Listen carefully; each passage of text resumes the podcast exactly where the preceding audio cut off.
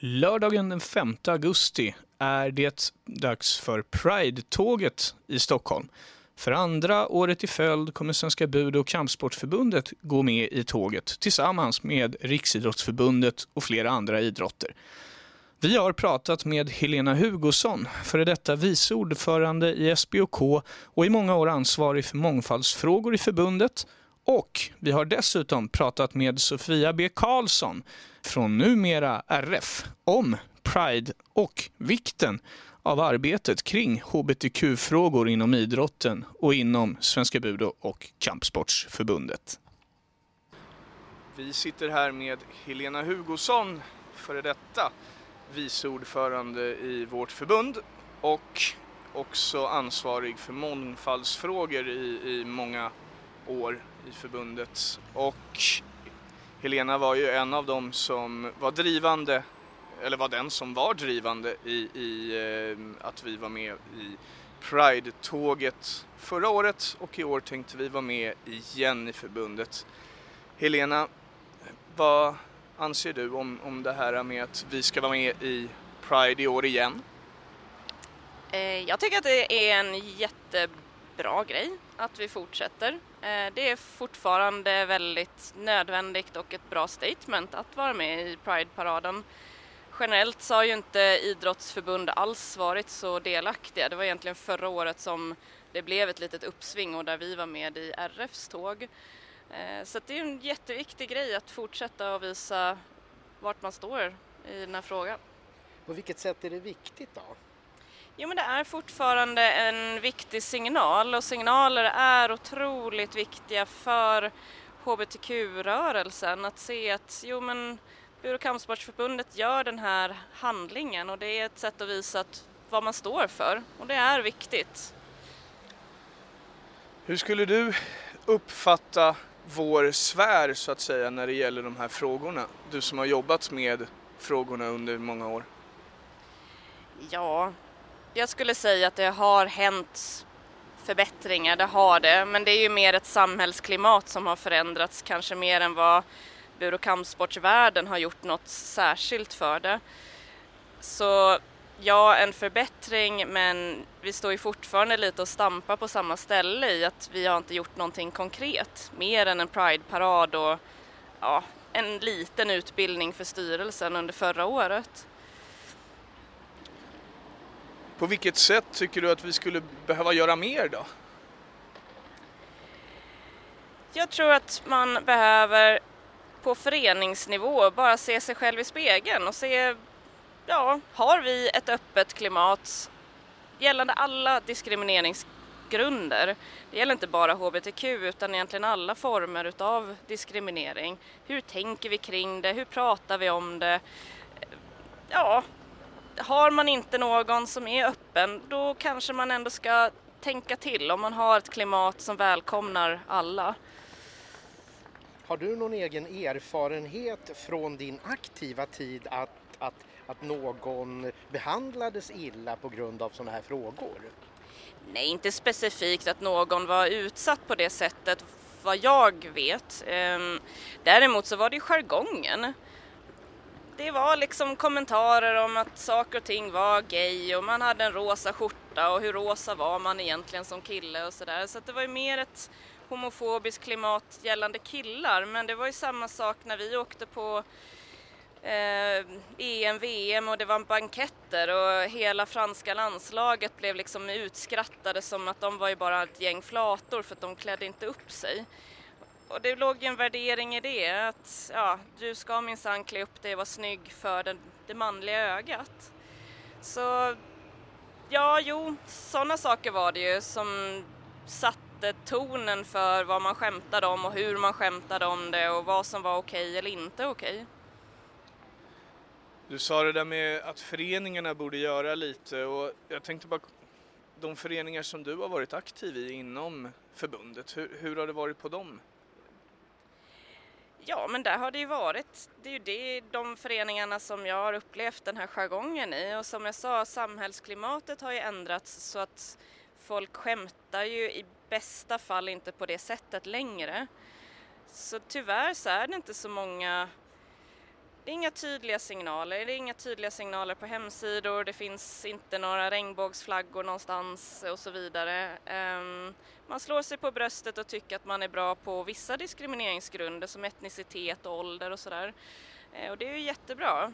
Men just hbtq-frågorna finns det inga sådana signaler kring och då får man ju vara mer ett sådant exempel själv, vilket jag valde att bli då 2011 med den krönika som jag skrev på förbundets hemsida. Så förhoppningsvis så ledde väl det till lite mer diskussion ute i landet. Det ledde ju till en tidningsartikel också som gjorde att den här saken blev mycket mer uppmärksammad än vad den hade blivit om den bara hade funnits på förbundets sajt. Vad fick det här för konsekvenser för dig? ja, ja, jag blev kampsportstjärnan plötsligt. Det var ju jätteroligt. Det hade jag ju aldrig någonsin blivit annars kanske. Eh, nej men det var ju en chock faktiskt. Vi, jag och Jonathan eh, ja, vi la ju ut den där på hemsidan och sen en halvtimme, timme senare så började det liksom strömma in sms och Facebook-meddelanden och jag fattar ju ingenting. Så mycket trafik har vi väl aldrig haft i den hemsidan tänkte jag. Ja, och sen så var det då Aftonbladet som hade bara klippt den rakt av och letat upp den absolut fulaste bilden någonsin på mig. Eh, så tyvärr, jag hade ju hoppats kanske på någon så här dejt eller någonting men med den bilden så nej. Eh, men däremot så blev det ju en stor diskussion och det är ju, liksom, om man inte ska skoja bort det så var det ju ändå början på diskussionen. Var är alla som definierar sig som hbtq i vårt förbund som stort och i våra underförbund. Och det var ju det som min krönika handlade om. Jag insåg att jag tyckte om tjejer också och undrade, men var är de andra? Är jag ensam eller är det bara så att alla håller käften? Men fick det några andra konsekvenser, alltså att, att folk vände dig ryggen eller så? Inte, inte upp i mitt ansikte, nej. Jag fick ett väldigt märkligt och konstigt eh, hotmeddelande på Facebook. Men ja, det är väl sånt man... Och det är också sjukt att säga att det är sånt man får ta. Eh, men ja, det, så visst var den sån, men den är ju extremt liten om man jämför med andra som står ännu mer i skottlinjen. Varför tror du att den här frågan är så pass infekterad? Både i samhället som stort och kanske i, inom, i, inom idrottsligt? Jag tror att homofobi, ja, eller fobi mot människor som är annorlunda hör lite ihop med ett patriarkalt synsätt. Det handlar om makt, det handlar om vem som har den och vem som inte vill bli av med den. Och på så sätt så blir det grupper som känner sig hotade och därmed så vill man också sätta andra människor lite på plats. Känner jag mig ohotad så är jag mer villig att släppa in andra människor. Så jag tror att det, är vikt, det viktiga handlar just om att se till att alla människor har ett lika värde och lika makt i olika strukturer. Vad tänker du dig att idrotten behöver göra mer då? Du sa ju lite grann om att det finns inga tydliga eh, statement på hemsidor och lite sådana saker. Men det är ju bara en liten del, alltså det kommunikativa. Men vad kan idrotten som helhet göra? Ja, det är en jättestor fråga. Jag tror att det handlar om allt från det stora övergripande. Förbundsstyrelser ska gå utbildningar, de ska vara pålästa och ha kunskapen kring det. Sen ner på det lilla i att hur är man en schysst idrottsförälder? Vad skriker man åt sina barn när man hejar? Det är alla nivåer där man behöver ta ett krafttag och se över. Det handlar ju bara om att vara en reko människa egentligen och ha den diskussionen. Och det tycker jag att alla föreningar borde vara måna om att stå för någonting som är schysst och bra. Vi eh, genomgick ju en, en webbutbildning eh, i förbundet på ditt initiativ eh, med RFSL. Ehm, och den öppnade ju ögonen för väldigt många av de här normfrågorna som ändå finns i samhället, åtminstone för min del, som jag kanske inte ens hade reflekterat över än innan. Vad var tanken från din sida med att vi skulle gå den där utbildningen? Ja, personligen så hade jag nog sett att vi hade gått en mer omfattande utbildning, men det här var en liten eh, prova på-utbildning kan man väl säga, den första steget. Och min tanke med den var ju att som sagt, det ska vara tydligt, det ska synas att åtminstone huvudstyrelsen har ju genomgått en utbildning. Det är det minsta man kan begära. Sen hoppas jag att det var någon form av ögonöppnare och någon, något form av startskott för att vilja fundera vidare.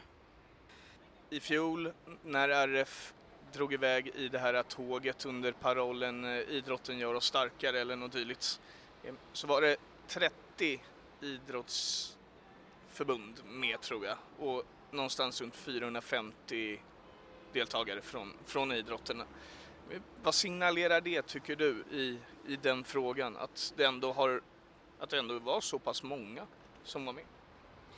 Ja men det är klart att det är en tydlig signal. Eh, vi var ju tyvärr bara 15 när vi startade från Bur och kampsportsidan. Och där gör ju många misstaget att tro att man måste själv vara HBTQ för att gå i paraden. Det är mer en härlig fest och lite av en demonstration för lika rättigheter. Så att jag hoppas ju och tror att fler kommer i år för att man vill bidra och visa att det här är bra grejer och det står jag för. Sen är det ju jag måste bara slå ett slag för hur otroligt roligt det är. Det är en endorfinkick utan dess like. Och jag och eh, Norma Jansson gjorde ju uppvisningar. Jag har ju aldrig någonsin haft så mycket publik när jag kört jujutsu i hela mitt liv. Så det där var ju liksom, äh, det var riktigt, riktigt roligt. Så vill man eh, göra ett statement för sig själv och för sina vänner, sin familj och så vidare så klart ska man gå med. Man behöver inte gå hela sträckan men gå en bit och lite också en, en form av att känna hur det känns att vara uttittad faktiskt. Det är en, en djupare bild utav det också. De första åren som jag gick i Pride-tåget gjorde jag det tillsammans med Friskis och Svettis och då var det ju ganska pirrigt för det var ju nytt för mig också den här Människor är ju så mycket för definitioner. Jag är ganska lite för definitioner så det var på så sätt lite pirrigt att oj, nu ser ju folk verkligen att jag går här. Sen släpper man ju det där och tycker att det är mer än roligt. Eh, men det är väl kanske en viss förståelse för hur det känns om man håller någon av samma kön i handen på stan att bli uttittad. För det blir man fortfarande. Det är lite viskningar och sådär. Det är inte så elakt men man blir ändå sedd på ett annat sätt. Okej, vi sitter här då, Kampsportspodden, tillsammans med Sofia B Karlsson, numera eh, anställd på RF, eller åtminstone från i höst, eh, som ska jobba med hbtq-frågor bland annat. Ehm, och Sofia, hur är de här frågorna att hantera på RF?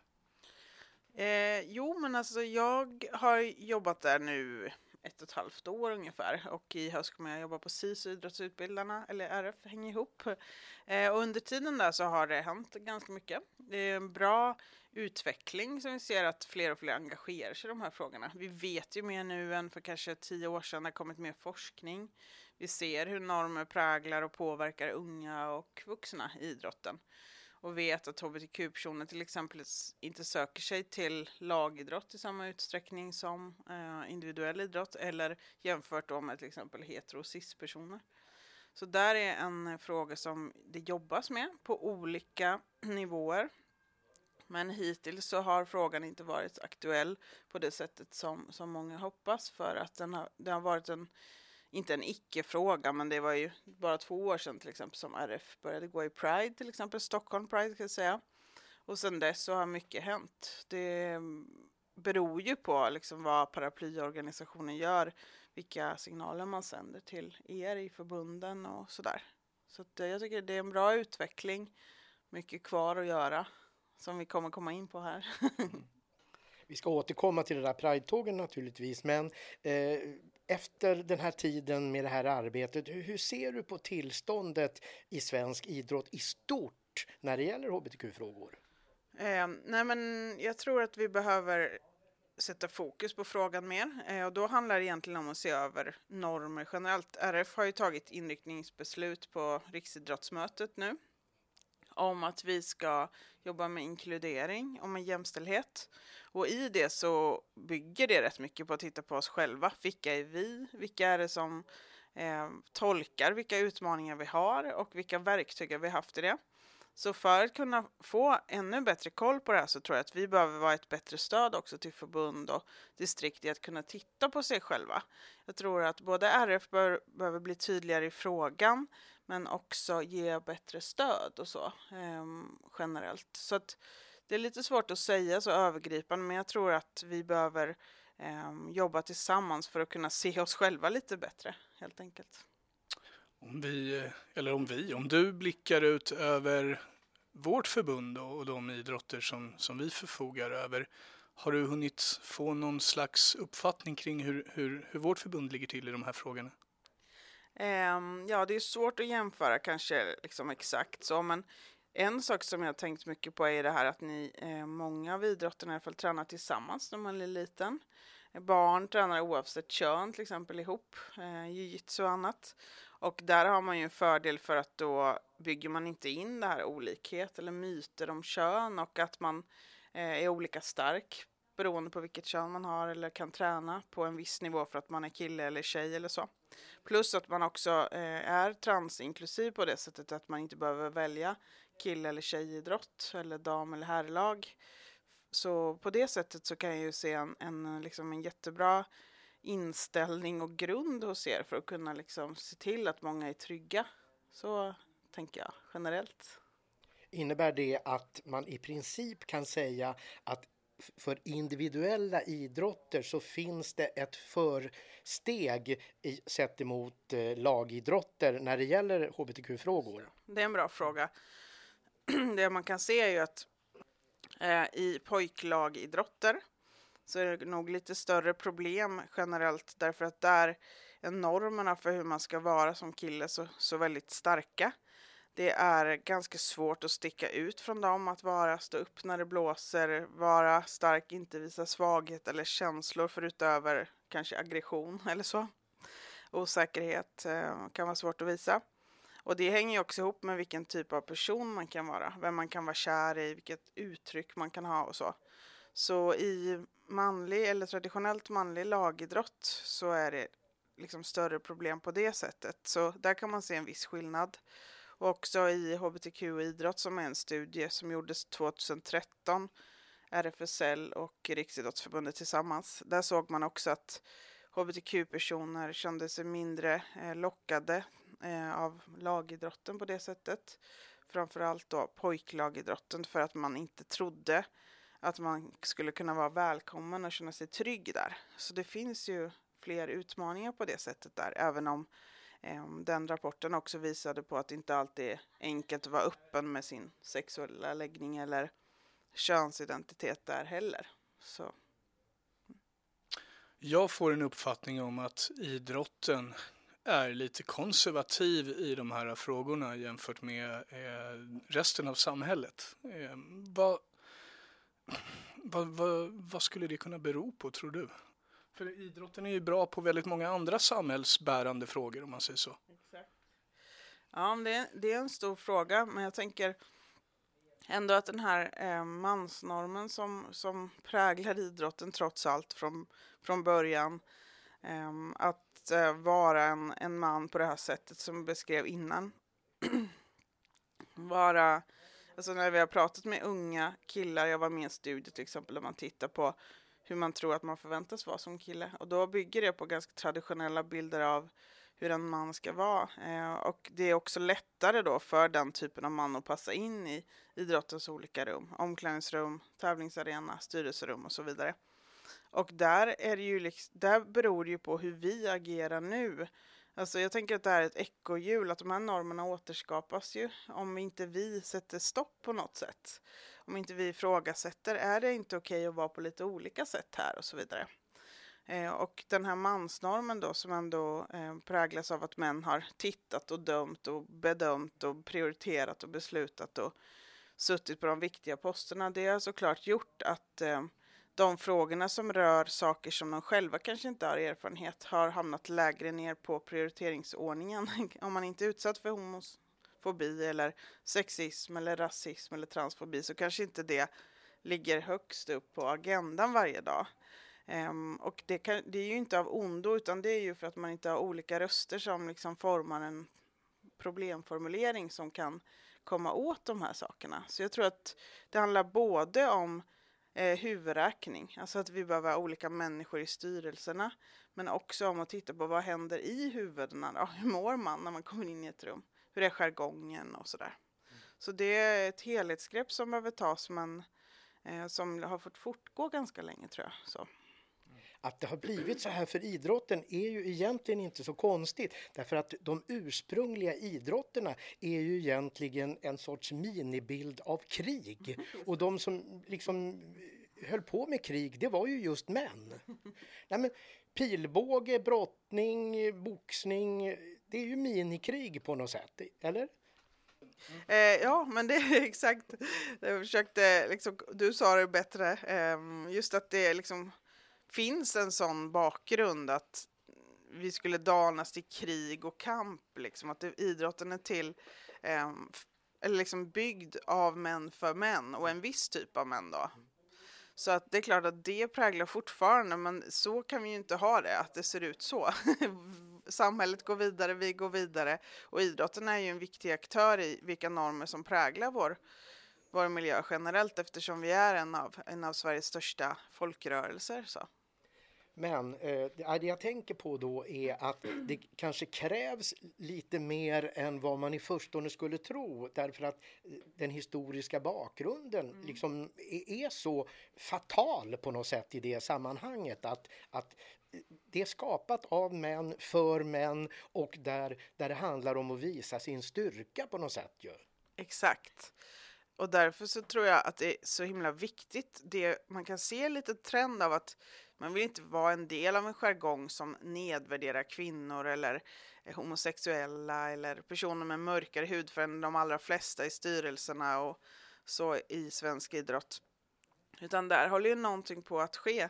Så man måste ju själv också se, kanske eh, man behöver titta på sin egen del. Vad är jag? Hur präglar jag mitt lag kanske? Med 12-åriga killar i Bromölla. Vad har jag för normer med mig som jag Eh, för över till dem. Annars så kommer vi bara fortsätta med det här.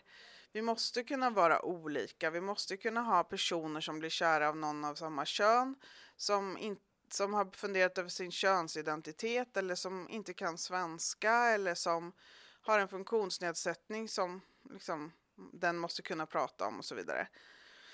Så alla de här sakerna, det krävs ju liksom att vi agerar och då börjar man med sig själv och sin egen grupp också, tänker jag, på vägen för att nå dit. Det är nog liksom det lilla man kan göra för att börja i alla fall.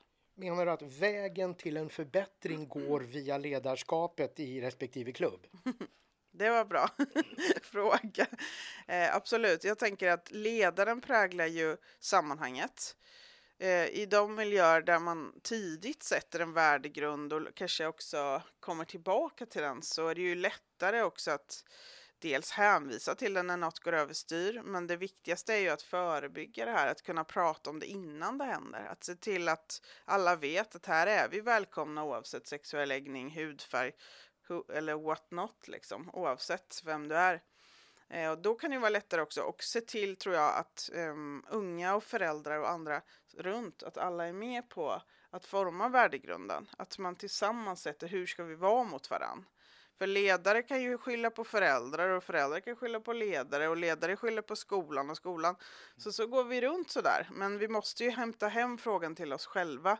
Eh, och främst då de ledare som lever upp till alla normer och har en självklar position har ju också störst möjlighet att förändra eftersom barn också lyssnar kanske mer på ledare än på föräldrar eller andra.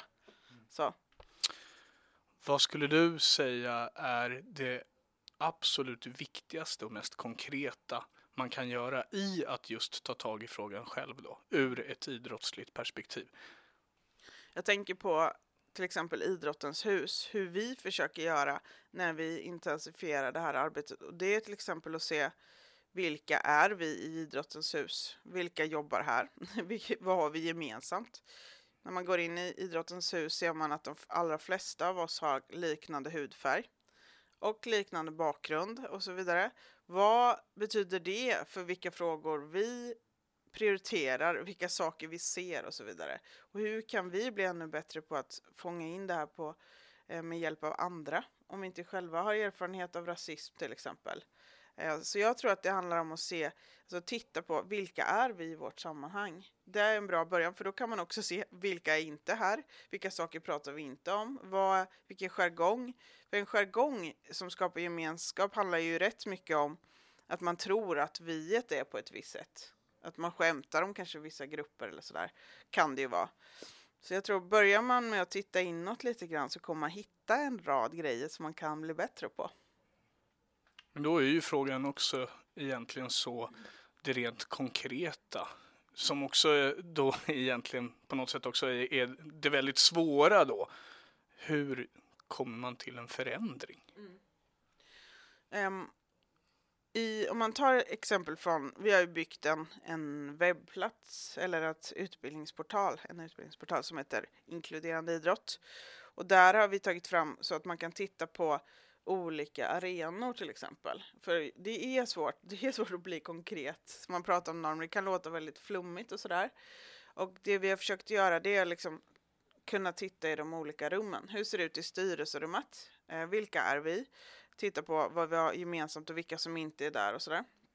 Hur låter det? Hur känns det där för, för, för alla liksom? Är det Finns det någonting eh, som inte känns bra för någon? Eller kan man liksom bredda bilden av vem som får prata och ja, märkas och ta plats och sådär?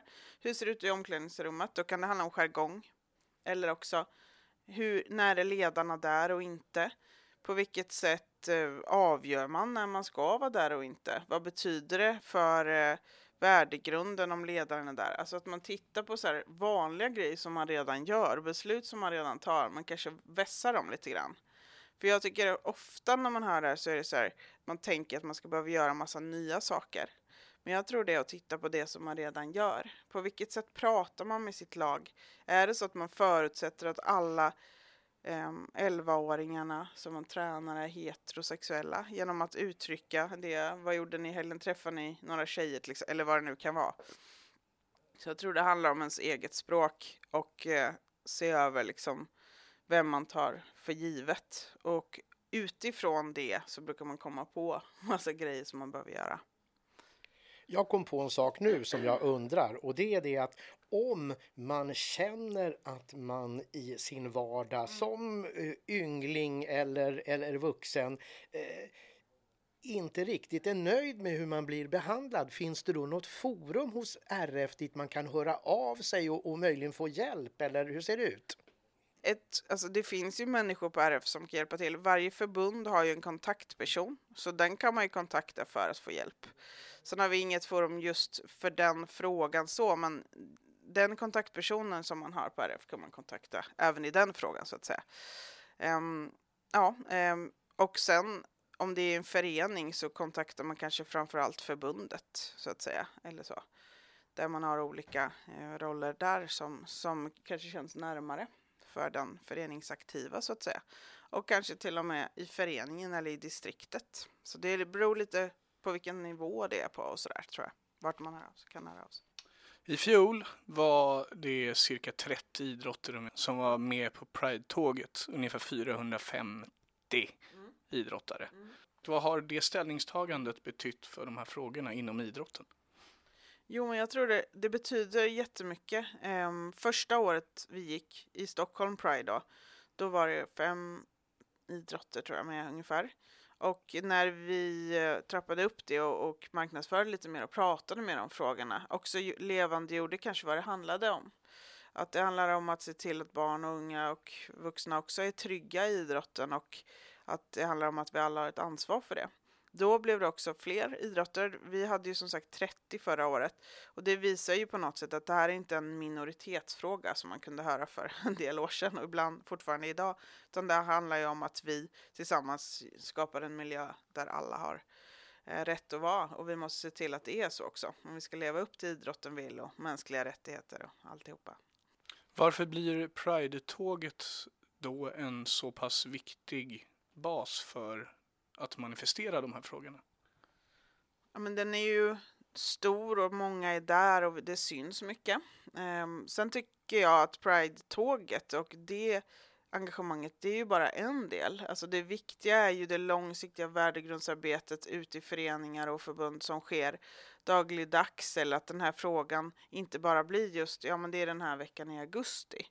Utan det kan ju vara en del i att göra någonting. Ibland kan det vara svårt att veta hur man ska börja. Och då kan ett ställningstagande eller en regnbågskaptensbindel vara ett enkelt sätt att börja. Eh, och då får man ibland höra, ja men det där är bara ett PR-trick kanske. Men oftast är det inte det, utan man vill ändå visa att idrotten är öppen för alla. Och eh, min erfarenhet är att folk gärna fyller på där med kunskap och, och den här kaptensbilden vill man inte bära utan att liksom kunna fylla den med något kunskapsinnehåll så att säga. Så det, själva ställningstagandet med Pride är oerhört viktigt för att det syns mycket utåt. Vi visar och vi stärker vår ställning i vad vi står för. Att idrotten är till för alla. Idrotten gör Sverige starkare. En inkluderande idrott gör Sverige ännu starkare. Så att um, det, det, är en del i ett intensifierat arbete som jag tror är viktig. På det sättet vi syns mycket. Det kan ju också göra att man får en sorts mätsticka för hur, hur har det gått det mm. senaste mm. året så att säga det, eftersom det är ett årligt förekommande evenemang och då är det naturligt kanske att, att strax före det stanna upp och se hur har det utvecklats så här? Är, är, är det så man jobbar? Eh, nu har vi inte hållit på så många år men eh, jag tror också att man behöver titta på vad som händer i resten av landet där ibland eh, i mindre städer kan vara svårare att hitta olika sammanhang för människor som inte följer eh, mallen precis för, för hur man förväntas vara så att säga. Så det vi kan se är ju att idrottsengagemanget ute i landet ökar otroligt mycket. Alltså allt ifrån liksom Pride-festivaler i, i Skåne till eh, liksom i Norrbotten och sådär. Växjö Pride var jag förra året till exempel. Ehm, och sådär. Så att, eh, det är svårt man kanske skulle kunna ha liksom någon liten tendens där och se hur mycket det har ökat. Men då tror jag det är viktigt att koppla på resten av Sverige också och se vad händer i mindre städer och um, ja, i alla delar där idrotten finns. Mm. Pride närmar sig i år igen. Va, vad kommer hända under tåget i år? Ja, um, jag hoppas att det kommer vara ännu flera som kommer att gå med. Men uh, vårt engagemang förra året, blir det lika mycket som då så är det ju jättebra. Så. Men vi hoppas ju att fler och fler ska hitta sitt sätt att engagera sig och att vi visar bredden i idrotten. Alla, förra året så var det till exempel skateboard, ridsport, det var olika fotbollslag, det var tennisen, basketen. Hade, så då visade vi också upp att den här frågan eh, finns i liksom alla delar av idrotten. Det tror jag är viktigt, att man inte bara tänker viss typ av idrott eller en viss utövare.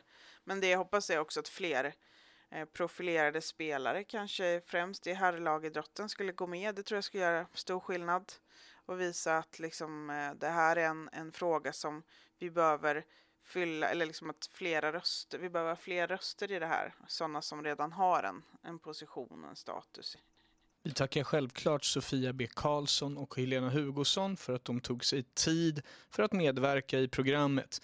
Vi vill avslutande bara konstatera att om ni vill gå med i Pride-tåget tillsammans med RF och SBOK kan ni hitta all information ni behöver på budokampsport.se. Tack för att ni har lyssnat.